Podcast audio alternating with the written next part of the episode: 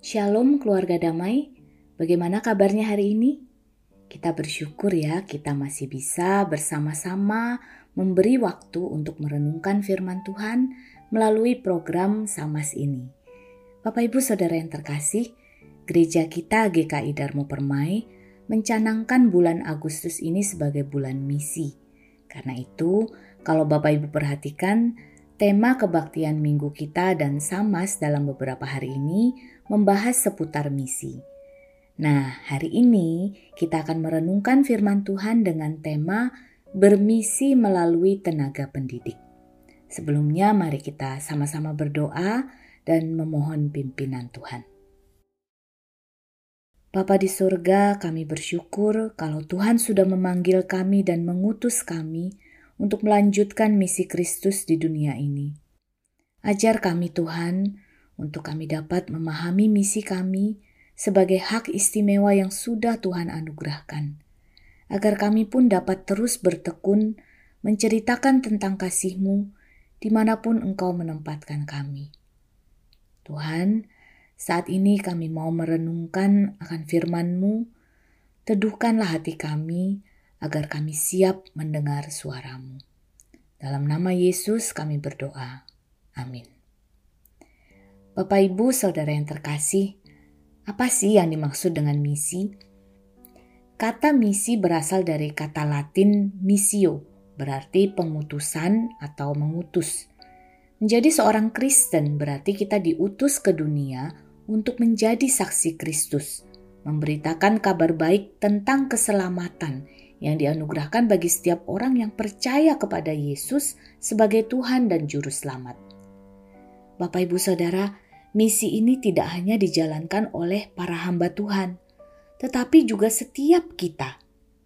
Dalam Yohanes 20 ayat 21, Yesus berkata, Sama seperti Bapa mengutus aku, demikian juga sekarang aku mengutus kamu. Jadi kita semua, saudara dan saya, kita ikut ambil bagian dalam misi yang sama. Kita diutus ke dalam dunia, ke tempat di mana kita beraktivitas sehari-hari dengan beragam orang di tengah masyarakat kita, karena Tuhan mengasihi semua orang. Bapak Ibu, mari kita bersama-sama membuka Alkitab dari Kolose 4 ayat 5 sampai 6. Kolose 4 ayat 5 sampai 6. Demikian firman Tuhan. Hiduplah dengan penuh hikmat terhadap orang-orang luar. Pergunakanlah waktu yang ada hendaklah kata-katamu senantiasa penuh kasih, jangan hambar, sehingga kamu tahu bagaimana kamu harus memberi jawab kepada setiap orang. Bapak, ibu, saudara yang terkasih, mengajar dan mendidik adalah dua kata yang pengertiannya hampir mirip, namun cukup berbeda. Mengajar biasanya diasosiasikan dengan kegiatan akademik, kegiatan untuk mentransfer pengetahuan kepada orang yang diajar sedangkan mendidik lebih berfokus kepada karakter, penanaman nilai-nilai kehidupan yang nantinya dapat menjadi pegangan dalam kehidupan anak didik. Sebagai seorang tenaga pendidik, saya diberi kesempatan bertemu dengan berbagai macam anak didik. Ada yang pandai dan cepat tanggap, ada juga yang keras kepala, ada yang ramah dan sopan, namun ada pula yang ketus dan acuh tak acuh. Nats firman Tuhan hari ini itulah yang senantiasa mengingatkan saya bagaimana saya seharusnya menghadapi mereka. Mereka adalah anak-anak muda yang datang bukan hanya untuk belajar, namun juga datang dengan beban mereka masing-masing. Di antara mereka ada yang kehilangan orang tua, ada yang harus hidup di tengah-tengah pertengkaran orang tuanya, dan bahkan sampai perceraian. Ada yang tidak percaya diri karena sering dicemooh. Bahkan ada pula yang mengalami depresi. Saya terus belajar untuk mendengarkan mereka. Dan saya belajar untuk sungguh-sungguh berkata-kata dengan kasih. Bukan hanya sekedar basa-basi yang hambar. Saya belajar untuk mengenal setiap anak didik saya satu persatu dengan lebih dalam lagi. Karena saya menyadari dengan demikianlah saya dapat bermisi melalui pekerjaan saya. Bapak, ibu, saudara yang terkasih, Tuhan Yesus telah memberi teladan bagi kita. Dalam beberapa bagian Alkitab, kita menemukan ketika Yesus sedang mengajar, hatinya tergerak oleh belas kasihan. Lalu ia melakukan sesuatu, baik itu menyembuhkan, memberi makan, atau memberikan pengampunan dan kekuatan baru bagi yang lemah.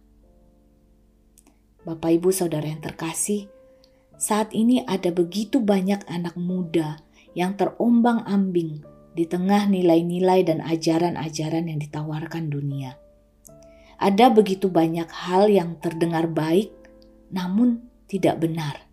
Di sinilah kita harus mengambil peran sebagai pendidik dengan hikmat Tuhan, terus menuntun mereka untuk mengenal kebenaran yang sejati, yakni Kristus, Tuhan Yesus Sang Juru Selamat, yang akan menerangi kehidupan para anak muda ini. Bapak, ibu, saudara yang terkasih, kita semua adalah seorang pendidik. Setidaknya bagi diri kita sendiri dan bagi orang-orang terdekat kita, seperti keluarga dan sahabat. Mungkin Bapak Ibu Saudara tidak bekerja sebagai guru ataupun dosen, namun di mana pun kita ditempatkan, mari kita belajar untuk mendengar dan memperhatikan sesama. Sehingga dengan hikmat Tuhan, kita dapat mengucapkan kata-kata yang penuh kasih yang dapat menguatkan, dan pada akhirnya membuat hati mereka terbuka, sehingga ada kesempatan bagi kita untuk menceritakan kasih Tuhan kepada mereka. Mari kita berdoa. Tuhan, terima kasih Engkau mengingatkan kami kembali untuk kami terus meneladani Yesus dengan belas kasihnya dan hikmatnya. Kiranya Roh Kudus terus mengajar kami agar kami dapat mengajar dan mendidik mereka yang Engkau tempatkan di sekitar kami. Berikan kami keberanian untuk menjalankan misimu di tengah-tengah dunia ini. Terima kasih untuk kasih-Mu ya Tuhan. Pakailah kami untuk menjadi saluran kasih-Mu agar mereka yang belum mengenal Engkau boleh mendengar akan Injil keselamatan yang hanya ada dalam Yesus. Di dalam nama Yesus kami berdoa. Amin.